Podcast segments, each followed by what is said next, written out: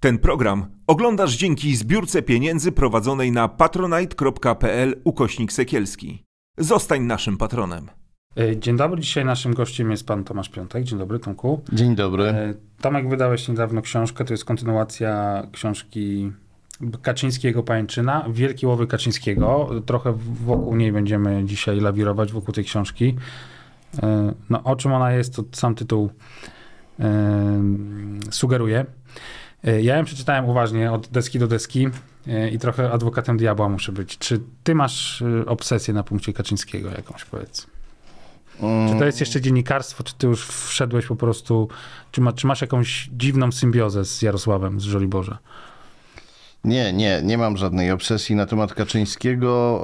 Myślę o Kaczyńskim wtedy, kiedy pracuję nad Kaczyńskim, kiedy prowadzę śledztwo dotyczące Kaczyńskiego, a tak poza tym to zajmuję się wieloma innymi rzeczami. Mm, Pytanie, domyślam się, bierze się stąd, że aż dwie książki o Kaczyńskim powstały. Pierwotnie miała być jedna, ale e, podczas śledztwa zgromadziłem taką ilość materiału, no okazało się, że nie da się tego zmieścić w jednej książce. To byłaby niezwykle gruba książka, gdybym chciał to wszystko, e, gdybym chciał z tych dwóch książek zrobić jedną.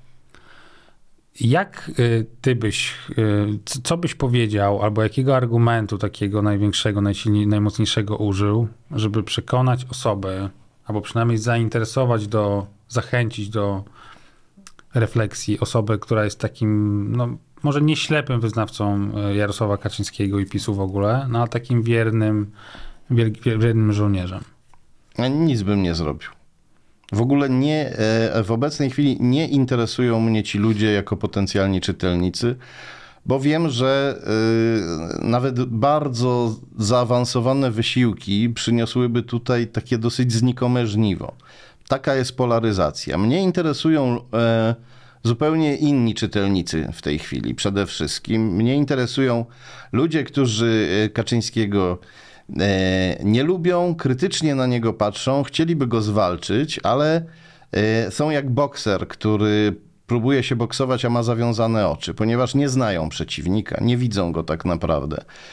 E, W Polsce ciągle e, bardzo wielu ludzi wierzy, że Kaczyński to jest e, pocieszny, e, starszy pan, zacofany, który nie ma konta w banku. No tak go media też tego głównego nurtu tak zwanego często przedstawiały. No, A, że dokładnie rzecz- Te brudne buty, niedopary, łupież na marynarce. Dokładnie rzecz biorąc, Kaczyński sam się tak prezentuje. E, A media głównego nurtu niestety bardzo naiwnie ten wizerunek biorą za prawdziwy, a albo w każdym razie powielają bez, e, bez komentarza. Kaczyński e, jest człowiekiem dysponującym gigantycznymi pieniędzmi. Zanim doszedł do władzy, miał fundację, która kontrolowała spółki, miał bardzo atrakcyjne nieruchomości w centrum Warszawy, które nadal ma. E, zarabiał duże pieniądze. No nie on osobiście, ale spółki należące do fundacji, którą kontrolował. I to, że Kaczyński chodzi w rozdeptanych starych butach i ma łupież na kołnierzu e, i wygląda jak e, zaniedbany inteligent starej daty, PRL-owski, to e, jest e, świadoma decyzja. On w ten sposób się podoba swoim wyborcom, bo oni mówią, no wprawdzie inteligent, ale taki jak my, inteligent, ale żyje jak człowiek z ludu, bezinteresowny, nie ma czasu zadbać o buty albo sobie choćby szampon przeciwłupieżowy kupić, no bo cały czas myśli o Polsce. I z drugiej strony ten wizerunek też świetnie robi Kaczyńskiemu, jeśli chodzi o oddziaływanie na przeciwników, no bo my patrzymy na ten wizerunek i mówimy, to jest jakiś stary, zacofany dziadek z jakiegoś zaścianka, z jakiejś zakrystii. On w ogóle nie zna współczesnego świata, nie umie się zaprezentować. To jest jakiś dziwny wybryk natury, że on w ogóle rządzi. On się zaraz przewróci o własne sznurowadła, zaraz się potknie. I tak od, przez ostatnie 8 lat e, miliony ludzi w Polsce się pocieszało e, lekceważąc Kaczyńskiego. No a on chce, żebyśmy go lekceważyli, bo dopóki uważamy, że on jest głupi, stary, nie zna świata, to nie przyjmujemy do wiadomości, że on jest rekinem biznesu, rekinem polityki, e, mistrzem propagandy, człowiekiem, który jest w stanie e, Polskę przeobrazić w kopię Rosji, jest w stanie nami manipulować, jest w stanie zaprowadzić tutaj bardzo skuteczną, efektywną i niestety wieloletnią tyranię. I nie bronimy się przed nim tak jak trzeba. Czekamy aż upadnie, zamiast walczyć, aby upadł. Gdzie są te pieniądze tego rekina biznesu, jak go nazywasz? Powiedz. Kaczyński na samym początku swojej kariery w latach 90. zakłada fundację. e, Fundację Prasową Solidarności. Fundacja tworzy spółki, tworzy na przykład e, spółkę Srebrna, która jest znana, o której wiemy, że, e, że dysponuje atrakcyjnymi nieruchomościami. Ma też Fundację Nowe Państwo, którą później przetwarza w Fundację Lecha Kaczyńskiego i teraz to jest główna fundacja Jarosława Kaczyńskiego kontrolująca jego biznesy. A skąd się te pieniądze u Kaczyńskiego w ogóle wzięły, kapitał początkowy, to jest bardzo ciekawa historia. W latach 89-90 Kaczyński regularnie spotyka się z głównym szpiegiem KGB w Polsce, Anatolijem Wasinem, który działa pod przykrywką dyplomatyczną jako e, pierwszy sekretarz sowieckiej ambasady w Warszawie. Podczas tych spotkań panowie piją wódkę i rozmawiają o wielkiej polityce, wymieniają się informacjami, koncepcjami. E, Rozmawiają innymi, co sam Kaczyński po latach przyznał, o finlandyzacji Polski. Czyli o takim pomyśle, według którego Polska miałaby pozostać e, wewnątrz Imperium Kremla, być częścią Imperium Kremla, ale w sprawach wewnętrznych rządzić się własnymi e, prawami i obyczajami. No można powiedzieć, że to jest program, który Kaczyński w tej chwili realizuje skutecznie. I po tych spotkaniach z Anatolijem Wasinem Kaczyński zaczyna być obsypywany pieniędzmi przez komunistów. Nagle pojawia się w jego życiu komunistyczny finansista Janusz Kwant, pisany przez Q, szef Banku Przemysłowo-Handlowego z Krakowa, który zaczyna e, Kaczyńskiemu dostarczać miliardy starych złotych. No, nawet biorąc pod uwagę denominację, to w tamtych czasach były kwoty ogromne. Dzięki tym pieniądzom Kaczyński przejmuje atrakcyjne nieruchomości w centrum Warszawy, e, przy Alejach Jerozolimskich i przy Nowogrodzkiej, gdzie siedzi do dziś. Przeobraża te nieruchomości w maszynkę do zarabiania kolejnych pieniędzy, bo wynajmuje pomieszczenia między innymi Januszowi Kwantowi i jego e, bankowi. I e, Janusz Kwant wynajmuje e, tam pomieszczenia dla oddziału swojego banku na kilkanaście lat z góry, płacąc czynsz. Płacąc czynsz za kilkanaście lat z góry, czyli dając Kaczyńskiemu dużą kwotę. I tak się składa, że Janusz Kwant jest też e, wówczas członkiem Rady Nadzorczej spółki, która się nazywa Agencja Gospodarcza i która opiekuje się pieniędzmi z funduszy KGB, pieniędzmi, pieniędzmi przysłanymi z Moskwy, pieniędzmi KGB przysłanymi z Moskwy po to, żeby wspierać postkomunistów w Polsce. To jest słynna moskiewska pożyczka, tak to nazywano.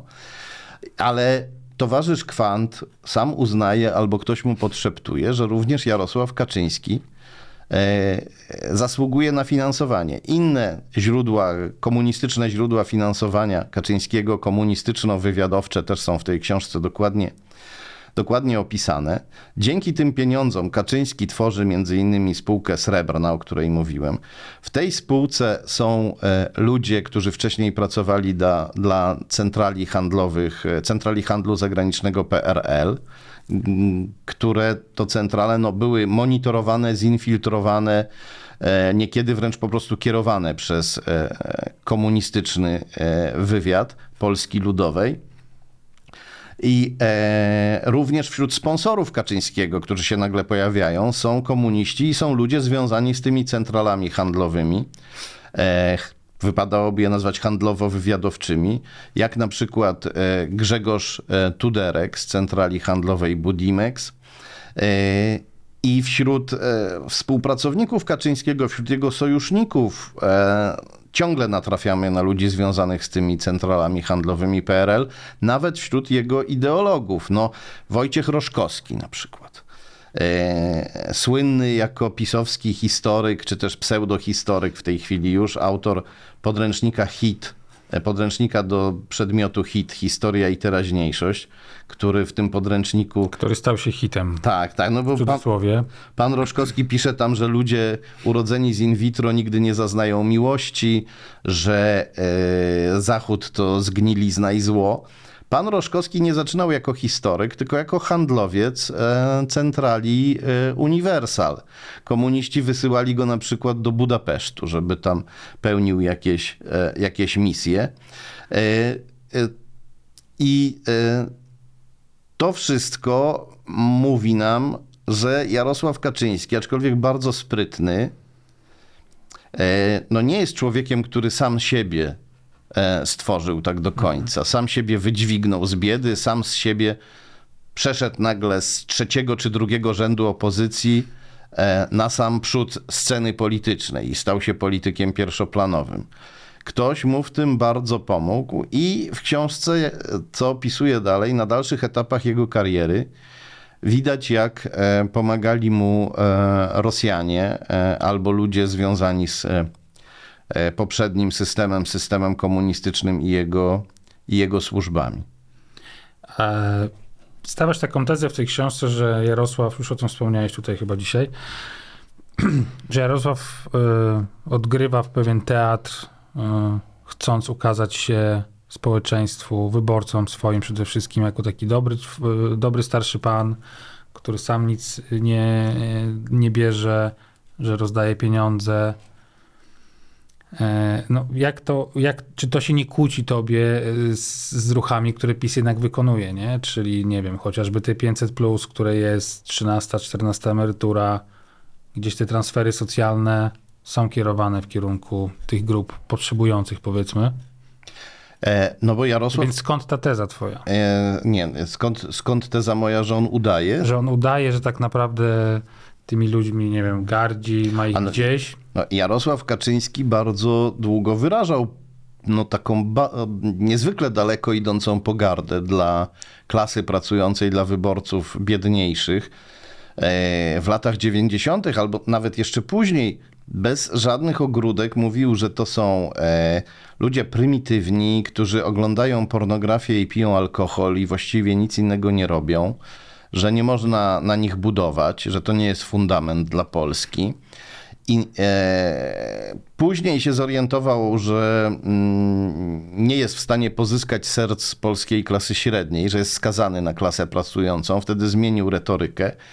E, około 2005 roku zaczął się przedstawiać jako przyjaciel ludu, który chce ludowi pomóc, ale nadal 10 lat mu zajęło przejście od retoryki do właśnie tych pierwszych e, e, działań faktycznych, faktycznej pomocy dla tego, dla tego biedniejszego elektoratu. Przez 10 lat jeszcze próbował mamić tych ludzi samą retoryką i kiedy się zorientował, że to jednak nie działa, to dopiero z wielkimi oporami w 2015 roku zdecydował się na rzucenie e, jakichś bardziej, e, jakby to powiedzieć, e, no, e, nieco bardziej konkretnych darów, by nie powiedzieć ochłapów, no ale darów temu, te, temu elektoratowi. E, pojawiło się właśnie to 500, pojawiły się, pojawiły się transfery, transfery społeczne.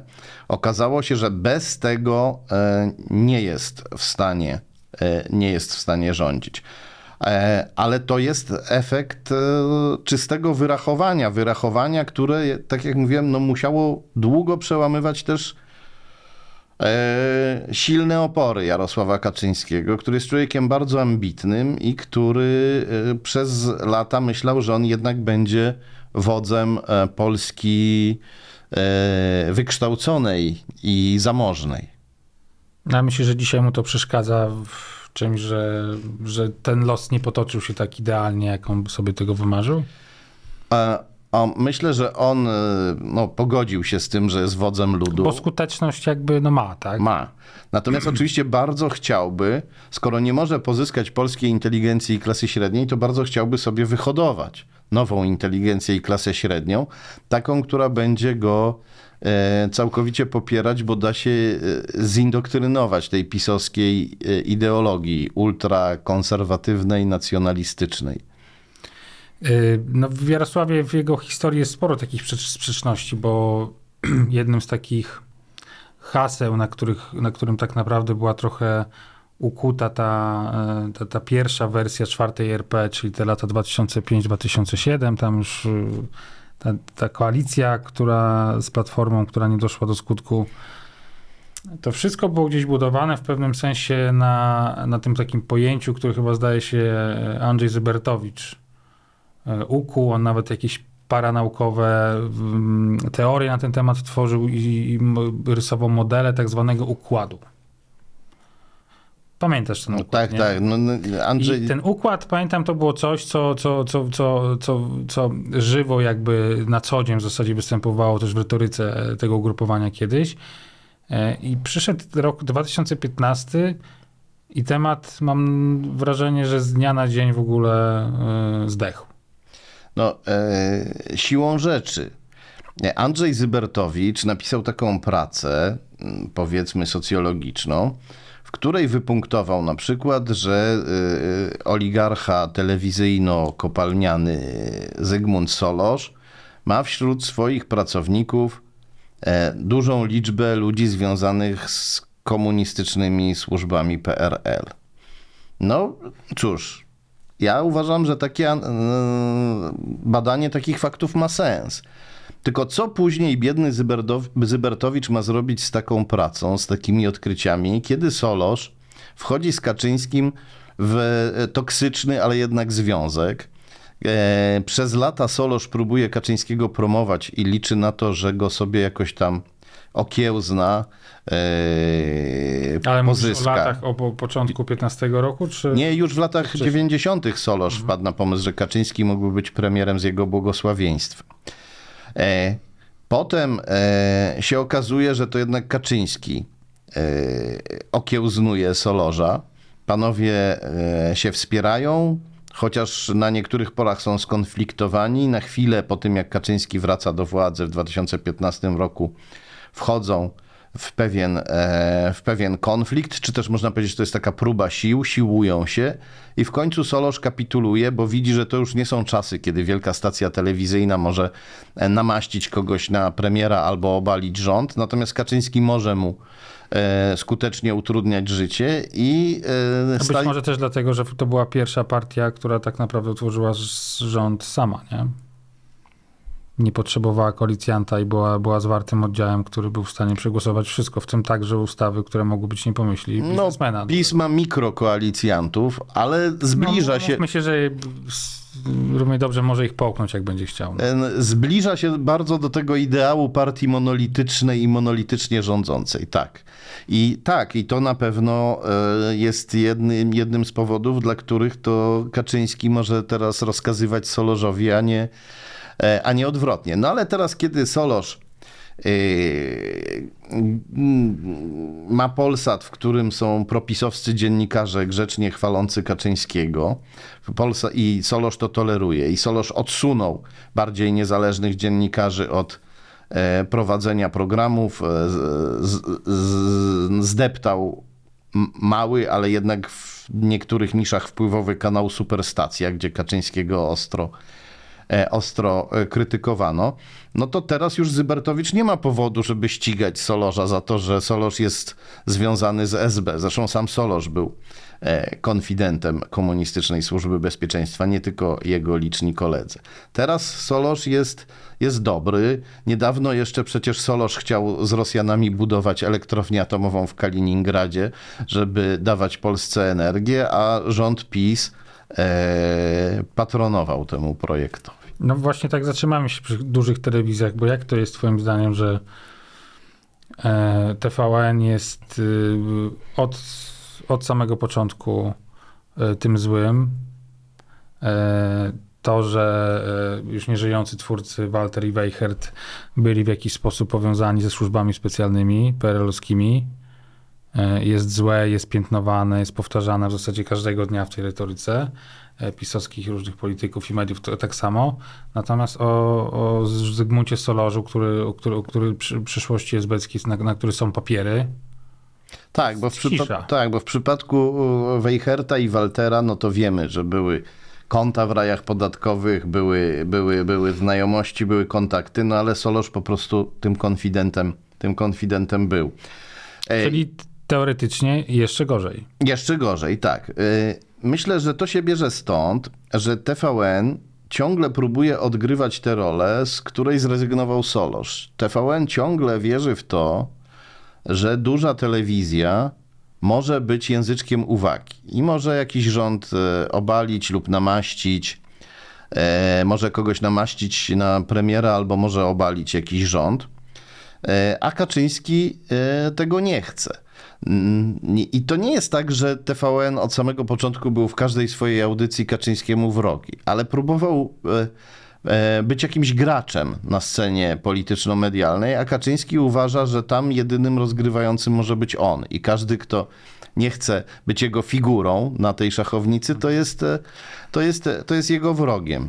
E, I, ja ciągle nie widzę po stronie TVN-u jakiejś takiej totalnej wojny z Kaczyńskim. Są bardzo dobre reportaże, czasem w czarno na białym, na przykład ukazujące pisowskie, pisowskie afery. Ale w bardzo wielu sprawach TVN próbuje być tutaj, prawda, e, zajmować pozycję pośrednią między władzą a opozycją.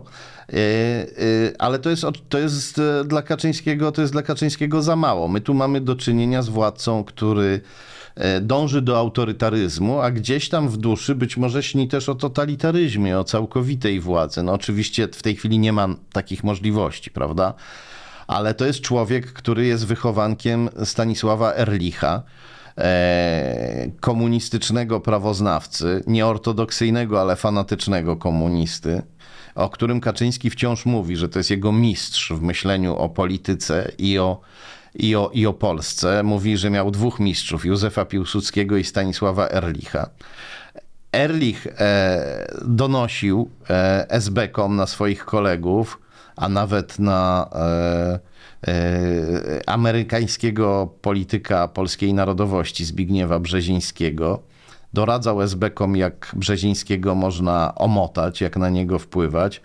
E, miał liczne pretensje do reżimu PRL, ale na przykład miał pretensję taką, że reżim PRL jego zdaniem zbyt mało inwigiluje i kontroluje prywatnych e, biznesmenów, drobny biznes, który wtedy istniał. On był zwolennikiem całkowitego podporządkowania e, wszelkiej przedsiębiorczości państwu i Kaczyński myśli podobnie, zresztą tak samo jak Putin. Być może właśnie wpływ Erlicha sprawia, że Kaczyńskiemu jest tak łatwo adaptować putinowskie rozwiązania w Polsce. E, Co łączy Lwa Rywina i Marka Falentę? No, bardzo dobre pytanie. Postawiasz tutaj takie, no, rysujesz ciekawe połączenie między aferami, które dzieli no, politycznie to w ogóle epoka, No, nawet dwie epoki. nawet dwie. Tak, 20 lat przeszło. tak.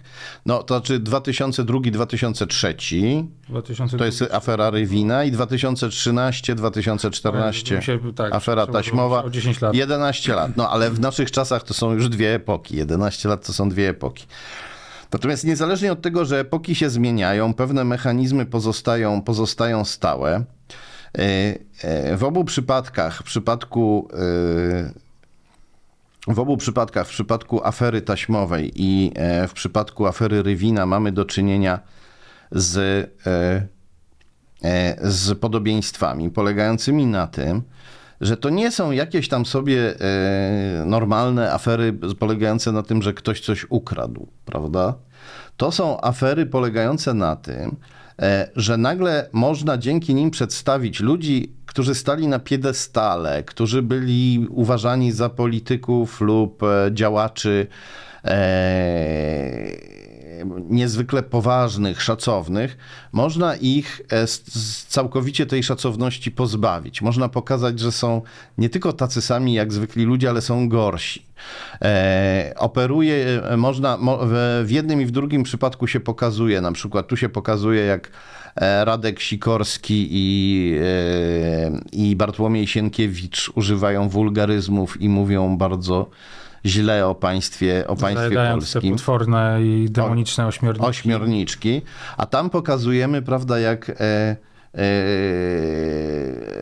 rządzący i i szacowni dziennikarze rozmawiają o jakiejś wielkiej łapówce i, e, i, i, I nie, nie jest to język poetów. tak, zastanawiają się nad tym, czy ten interes jest koszerny, prawda? I e, tak się składa, że obie te afery nie zostały do końca wyjaśnione. E, e, rywinem afery taśmowej był Marek Falenta, który do dziś milczy na temat tego, kto go posłał, a podobnie jak sam Rywin, który do tej pory milczy.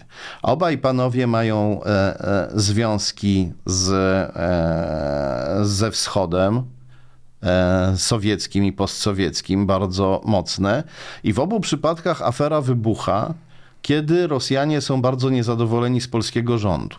Z polskiego rządu, co do którego żywili nadzieję. No bo Rosjanie żywili wielkie nadzieje związane z Leszkiem Millerem jego rządem, po- postkomuniści u władzy, nasi ludzie, a tymczasem Leszek Miller zaczyna się kłaniać Amerykanom, wprowadza CIA do e, polskich baz wywiadowczych na Mazury i zgadza się na to, żeby Polska wzięła udział w interwencji zbrojnej w Iraku, która nie była interwencją NATO, była imprezą zorganizowaną przez Amerykanów. E, Co Rosjanom się bardzo nie podoba. No a w przypadku afery taśmowej, Rosjanie wierzą przez jakiś czas w Donalda Tuska, wierzą, że to jest ich człowiek w Warszawie, a nawet jeśli nie do końca wierzą, to starają się sprawić, żeby tak było. E, Cieszą się z tego, że Tusk jeszcze w 2010-2011 roku mówi, że z Rosjanami można handlować, nawet Lotos można im sprzedać, że ulega tym e, naiwnym e, złudzeniom, które kultywowano też na Zachodzie. Nie? Że jak będziemy z Rosją handlować, robić biznesy, to ona się ucywilizuje.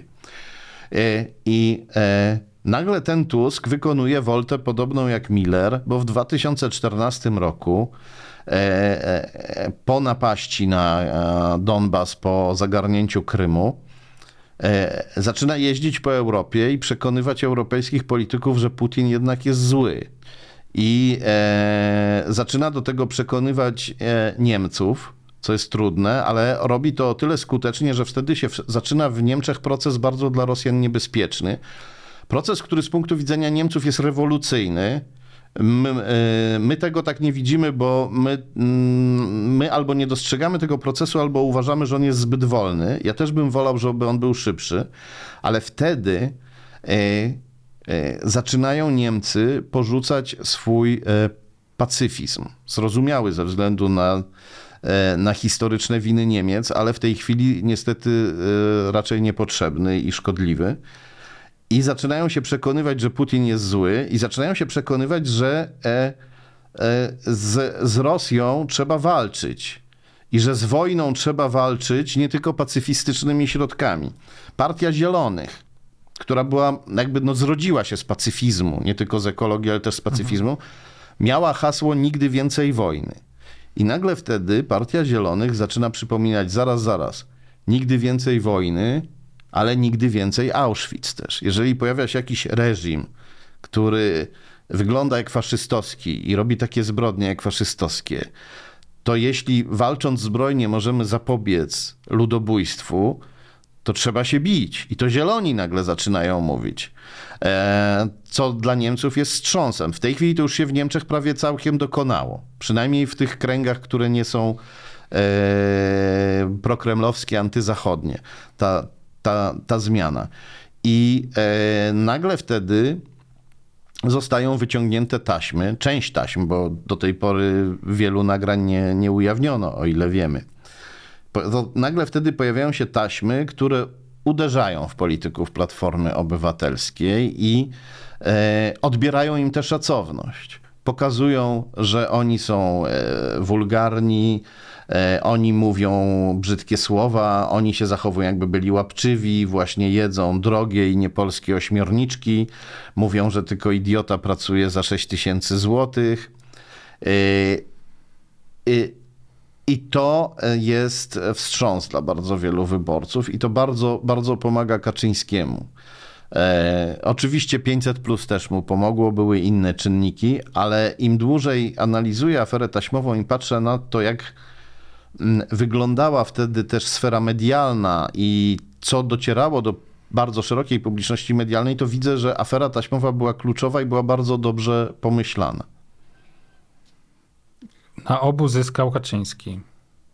Tak jest. I na aferze Rywina, bo wygrał wybory i nawet rządził przez dwa lata, kulawo, ale rządził i teraz zgarnął pełną pulę. Tak jest. Po aferze Rywina Kaczyński, a nawet Macierewicz przestali być traktowani jak maniacy czy zawistnicy, którzy, którzy biegają i szkalują kolegów, mówią cała Polska jest zgniła, rząd jest zgniły, elity są złodziejskie. Nagle zaczęto mówić, że w sumie ten Kaczyński to ma rację. Bo Rywin nagle tu obnażył, że te elity są zgniłe. Najdziwniejsze w tym wszystkim jest to, przypomnę teraz może szczegóły afery Rywina, że e, istniał faktycznie konflikt między e, Agorą i innymi prywatnymi właścicielami mediów, a rządem Leszka Millera, który chciał e, e, przy pomocy ustawy medialnej ograniczyć nieco swobodę mediów w Polsce, tak żeby rząd e, działał w, w lepszych dla siebie warunkach, prawda, żeby, żeby rząd miał większy wpływ na media, żeby media tak nie krytykowały rządu. Ale Leszek Miller pod naciskiem Amerykanów zresztą rezygnuje z tego. I jego ludzie zaczynają się za Gorą i z innymi nadawcami medialnymi dogadywać co do kształtu Oni są, y, ustawy medialnej. Oni są właściwie dogadani. I nagle wtedy, nie wiadomo skąd, pojawia się Rywin, który przychodzi do nich i mówi: e, e, z, z, Ja wam pomogę, ja tu wam dopnę to do końca, ja wam zrobię dobrze. I e, wprowadza wątek korupcyjny, którego tam wcześniej nie było. Tam była ostra walka polityczna. Nagle z, z, nie wiadomo skąd łudzi część postkomunistów, że mogą dostać jakieś duże pieniądze od Agory. Oni niestety, wygląda na to, że niektórzy z nich niemądrze bardzo chwycili, niemądrze i nieuczciwie chwycili te przynętę. E, ale on też musi wiedzieć, że ludzie Agory i Gazety Wyborczej nigdy na to nie pójdą i że kiedy on im złoży te propozycje, to oni e, go skompromitują. On tu jest jak kamikadze. Dlaczego on to robi? No to jest człowiek, który e, zrobił wielką karierę dzięki e, pułkownikowi wywiadu wojskowego PRL Mirosławowi Wojciechowskiemu, który w latach 80 E, e, jeszcze, jeszcze na przełomie lat 70. i 80. zatrudnił Rywina najpierw w agencji prasowej Interpress związanej z wywiadem wojskowym. Potem e, w telewizji, jako szef radiokomitetu, wziął sobie Rywina i zrobił go szefem agencji Poltel, która obracała dolarami, bo zajmowała się koprodukcjami z Zachodem. Czyli to było najbardziej lukratywne stanowisko, jakie można było sobie w PRL-u wyobrazić, chociaż Rywin się na tym nie znał. E, dlaczego pułkownik Wojciechowski to zrobił i co go z Rywinem e, wiązało, to jest w tej książce opisane. Ja mogę teraz dodać, że dotarły do mnie wreszcie e, z dużym opóźnieniem teczki esbeckie dotyczące ojca i rodziny Elwa Rywina, ich niezwykłych międzynarodowych przygód, bo to jest rodzina, która wyjechała z Związku Sowieckiego do Polski, a potem zaraz pojechała do Stanów Zjednoczonych. E, no, e, tutaj te, to e, uwikłanie sowieckie e, e, Lwa Rywina wynika z tych dokumentów, że jest bardzo głębokie. No ja będę jeszcze e, oczywiście na ten temat w publikował. W następnych książkach pewnie. Dzisiaj mamy wojnę tam na, na Ukrainie. Polska się zbroi. Polska y, stara się Ukrainie pomagać. E, I nie mówię tylko o obywatelach, którzy się wykazują e, szlachetną postawą, e, ale też o władzy. Na, próbujemy jakoś wpływać na, na miarę naszych możliwości na, na opinię międzynarodową, na polityków międzynarodowych, żeby pomoc dla Ukraińców trwała. Ty tutaj stawiasz dosyć mocną tezę, że, że to wszystko jest pic na wodę, fotomontaż. Cóż, no ja nie, ja nie stawiam tezy właściwie, ja po prostu przytaczam fakty. Fakty są takie, kiedy PiS dochodzi do władzy w 2015 roku, to na długi czas e, niemal całkowicie zapomina o retoryce antyrosyjskiej. E, miesięcznice są coraz mniej spektakularne, potem zostają wygaszone. E, miesięcznice smoleńskie.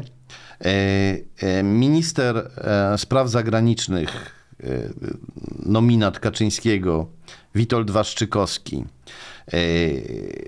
no, upokarza Polskę, można powiedzieć, bo występuje w rosyjskim piśmie Komiersant i na łamach tego pisma publicznie prosi ministra Ławrowa o spotkanie. I to spotkanie nie formalne, tylko kuluarowe. A równocześnie wprowadza, tworzy listę niepożądanych Ukraińców, na której znajdują się ważni przedstawiciele ukraińskiego państwa, przykład szef ukraińskiego odpowiednika Instytutu Pamięci Narodowej. Pisowscy działacze, politycy i propagandziści zaczynają nieustannie nam przypominać o rzezi wołyńskiej.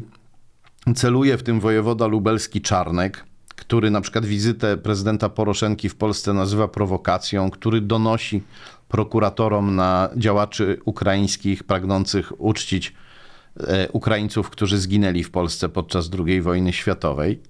W nagrodę zostaje ministrem edukacji, potem może epatować konkursem o wiedzy o rzezi wołyńskiej ukraińskie dzieci uczące się w Polsce i ich rodziców. E, mm, najbardziej niezwykłe rzeczy się dzieją u progu inwazji. W listopadzie 2021 roku Amerykanie ostrzegają PiS, że Putin e, jest już zdecydowany na inwazję. Inwazja Ukrainy zaraz się zacznie. I co robi PiS? W następnym miesiącu zaprasza do Polski e, głównych politycznych agentów Putina z całej Europy, prawie wszystkich, włącznie z, ze słynną, no trudno ją inaczej nazwać, kolaborantką francuską Marine Le Pen, która jest jawnie finansowana przez kremlowskich bankierów. Traktują ją jak księżniczkę. Morawiecki robi sobie z nią zdjęcia. Ona wykorzystuje to, tę wizytę, żeby w rozmowie z dziennikiem Rzeczpospolita powiedzieć, że Ukraina należy się Rosji. E, I nawet po tym wybryku Morawiecki wciąż ją popiera. Próbuje jej pomóc wygrać wybory prezydenckie, atakując na arenie międzynarodowej jej kontrkandydata Emmanuela Macrona. I w tym samym grudniu 2021 roku, na trzy miesiące przed inwazją, Kaczyński mówi, że trzeba rozważyć pomysł wybudowania muru z drutem kolczastym na granicy Ukrainy, tak jak na granicy z Białorusią. Jak ja to wtedy usłyszałem, to się na mnie zjeżyły wszystkie włosy. Napisałem do kancelarii premiera, do Straży Granicznej i do Ministerstwa Obrony, pytając, czy na serio rozważają taki wariant.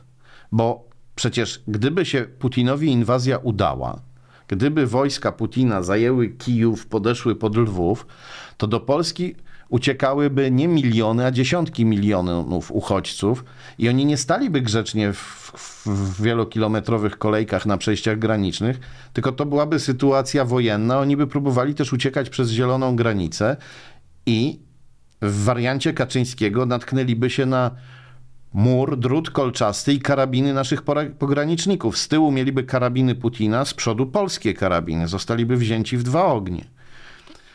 I kancelaria premiera mi nie odpowiedziała, chociaż miała obowiązek. E, a Ministerstwo Obrony i Straż Graniczna, o ile wiem, niezależnie od siebie, bardzo szczerze odpowiedziały mi, że e, e, każdy wariant jest rozpatrywany. Zatem i taki, o którym, o którym, o który ich zapytałem, ten właśnie płot i drut kolczasty.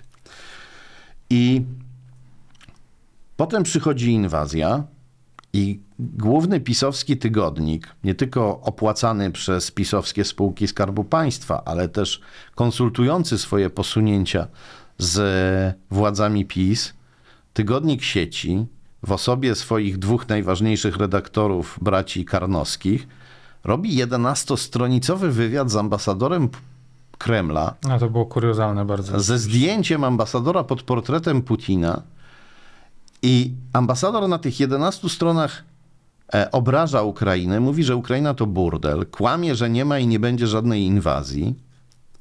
I ten wywiad jest tak zredagowany, że on ma ostatnie słowo zawsze. W każdym wątku właściwie, w każdej części tego wywiadu. I e, no, do tego, to wszystko wygląda tak, jakby PiS wtedy się gotował na zdjęcie maski. Do tego jeszcze rząd wtedy nie pomaga uchodźcom. Ciężar pomocy spada na obywateli, e, na organizacje pozarządowe, gdzie niegdzie też na samorządy. Jedyne, co rząd robi, to stara się jak najwięcej uchodźców skierować w jedno miejsce, na dworzec centralny w Warszawie. Jakby chciał sparaliżować w ogóle komunikację w Polsce i doprowadzić do jakichś e, rozruchów, żeby ci uchodźcy głodni wyszli żebrać na ulice Warszawy. No ale tak się nie dzieje, bo Polacy dają radę. I Polacy pomagają. Polki i Polacy, również wyborcy PiS, nawet ci najzawziętsi, gospodynie domowe z Podkarpacia, nagle zapominają o całej tej propagandzie antyukraińskiej. Szykują pierzyny i pierogi dla tych uchodźców. E, I nagle też e, wyborcy PiS robią kolejną niespodziankę Kaczyńskiemu. No bo oni byli e, przedtem bombardowani też propagandą antyamerykańską. No PiS bardzo popierał prokremlowskiego prezydenta Donalda Trumpa, który chciał zlikwidować albo osłabić NATO. Weźmy to pod uwagę właśnie. Ulubieniec Putina i Kaczyńskiego Donald Trump chciał zlikwidować albo wykastrować NATO. I gdzie my byśmy teraz byli, gdyby e, NATO było zlikwidowane albo unieruchomione i pozbawione mocy, nie? Co by się, jakbyśmy przeżywali wojnę w Ukrainie i co by się działo z Ukraińcami, nie? Prawda? I, e, e, a mimo to PiS e, wychwala Trumpa i atakuje Bidena, nazywają go katastrofą, tak o nim pisze rzecznik PiS Rafał Bochenek. E, pisowski aparatczyk pan Sobolewski wrzuca materiały, publikuje na Twitterze, w mediach społecznościowych materiały o tym, jakoby Biden wygrał wybory dzięki oszustwom. E, e, Prezydent Duda e, nie raczy pogratulować Bidenowi e, zwycięstwa w wyborach. E, Ale to wszystko też spływa po wyborcach PiS nagle, jak woda po kaczce, kiedy tylko słyszą tupot butów żołnierzy Putina, chcą Amerykanów, chcą parasola ochronnego, chcą tego Bidena strasznego. PiS musi się przynajmniej pozornie z Bidenem przeprosić. Duda, który kucał przy biurku Trumpa, musi się teraz nisko Bidenowi kłaniać. No ale to jest dla PiS sytuacja nienaturalna. Oni nie są po stronie Ukrainy. Oni, wprowadzając Amerykanów do Polski, no muszą w jakiejś mierze współpracować. E, Nie mogą e, sabotować najbardziej elementarnej rzeczy, jaką jest wysyłanie broni na, e, na Ukrainę. W tej chwili. Dopóki, dopóki ich wyborcy chcą że tego współdziałania z Amerykanami. Ale PiS przez cały czas czeka na moment, Kaczyński czeka na moment, w którym wyborcy y, zmęczą się obecnością uchodźców ukraińskich, wzrosną nastroje antyukraińskie, pisowcy przestaną się bać wojny, bo uznają, że Putin jest daleko, gdzieś za Dnieprem. I PiS przygotowuje przez te wszystkie miesiące bombę, która teraz wybuchła. Kiedy zaczyna się nielegalny import ukraińskiego zboża do Polski, no to PiS ma wszystkie narzędzia, żeby to przerwać. PSL, no partia ekspertów, można, jeśli, jeśli chodzi o zagadnienia, prawda, e, e, rolniczo-żywnościowe, proponuje bardzo dobre rozwiązanie, czyli kaucję tranzytową. Kto wjeżdża z tym zbożem, wpłaca kaucję równą e, jego wartości albo nawet wyższą i dostaje te pieniądze z powrotem, gdy zboże opuści Unię Europejską, prawda? PiS może to zrobić. I całymi miesiącami tego nie robi. Nie robi tego. A pisowskie spółki, jak na przykład zaprzyjaźniona z rodziną Morawieckich firma Cedrop, e, e, jak wiemy z wirtualnej Polski i, i z innych źródeł, e, importują to zboże i zarabiają na tym. Ale nie tylko o zarobek tu chodzi. Chodzi też o to, żeby polscy rolnicy, po części też konsumenci, stali się wrogami Ukrainy. I to było długo przygotowywane, i teraz e, PiS, jakby to powiedzieć, spożywa tego owoce. Teraz PiS nagle oskarża walczącą, krwawiącą Ukrainę o niewdzięczność. Amerykanów też spotykają afronty. Też się e, e, przecież wmawia Polakom, że Amerykanie prowadzą wojnę hybrydową przeciwko Polsce, bo telewizja TVN mająca amerykańskich e, e, nadawców puściła dokument krytyczny o Janie Pawle II. Tak. Dom wariatów, niestety. Yy, Ale w tym szaleństwie jest metoda. Czy, Kac- tak już na koniec, yy, krótko. Czy Kaczyński jest w stanie oddać dobrowolnie władzę, jak przegra wybory, czy, czy, będzie, czy jednak konieczny jest Majdan w Warszawie? Kaczyński bardzo nie chce oddać władzy, pisowcy bardzo nie chcą oddać władzy. Nie wiem, czy oni się aż tak bardzo boją, że ewentualnie nowe demokratyczne władze będą chciały ich bardzo surowo rozliczać. Raczej boją się nas, boją się obywatelskiej presji. Presji obywateli, którzy będą żądali takich rozliczeń, obywateli, którzy będą donosić do nowej, niezawisłej prokuratury, e, napisowców. Nawet można się liczyć z dużą liczbą pozwów cywilnych, no bo wiele osób poniosło szkody osobiste wywołane przez, przez te władze.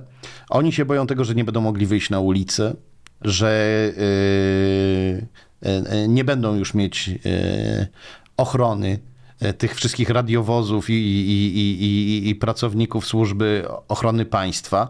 Mogą się bać, że yy, nie będzie też ich zawsze stać na prywatnych ochroniarzy, no bo jakieś kapitały zagrabione będą musieli gdzieś zamrozić za granicą na jakiś czas. E, e, boją się bardzo tego, że to oni tym razem spadną z piedestału i bardzo boleśnie zderzą się z brukiem, albo być może nawet z więziennymi kratami. I, e, i oni są zdeterminowani, żeby władzy, żeby władzy nie oddać. Oni mogą przy pomocy Putina i ciepłego człowieka Łukaszenki, tak go nazywali przecież, mogą e, spróbować wybory odsunąć ponieważ, nie wiem, ponieważ najemnicy Prigozina na przykład albo funkcjonariusze Łukaszenki wykonają na polsko-białoruskiej granicy jakiś e, spektakl mający nam tutaj w, mający nam, nas przekonać, że jest bezpośrednie zagrożenie militarne, że zaraz Rosjanie z Białorusinami nam przekroczą granicę i trzeba wprowadzić stan wyjątkowy. E, PiS może też spróbować zrobić to, co zrobił prezydent e, Brazylii Jair Bolsonaro, który po przegranych wyborach ogłosił, że e, nie oddaje władzy, bo najpierw musi sprawdzić, czy wybory nie zostały oddolnie sfałszowane. PiS może też, i to będzie na pewno robił, starać się te wybory zmanipulować. W miarę możliwości prawdopodobnie będzie chciał uniknąć najprymitywniejszych fałszerstw, naj, takich najbardziej gruboskórnych, ale i tak trzeba pilnować pisowców w komisjach wyborczych i tu bardzo popieram te akcje obywatelskiej kontroli wyborów. Będzie e, wykorzystywać przewagę medialną do tego, żeby nas zasypywać kłamstwami albo obietnicami. Będzie sypać pieniędzmi na pewno, żeby kupić sobie wyborców. E, wybory będą na pewno w jakiejś mierze zmanipulowane. E, już zresztą wybory prezydenckie z 2020 roku zostały uznane przez Organizację Bezpieczeństwa i Współpracy w Europie za nieuczciwe i, i, i nierówne. E, niemniej trzeba na te wybory iść, jak najliczniej zagłosować, bo wtedy trudniej takie wybory sfałszować. I jeżeli PiS wygra na skutek dzięki manipulacjom, albo jeżeli nie odda władzy po przegranych wyborach, albo jeśli spróbuje wprowadzić stan wyjątkowy, żeby wybory od, oddalić, e, nie widzę innego wyjścia niż Majdan. Tutaj stawiamy kropkę, żebyśmy się nie zagrobowali.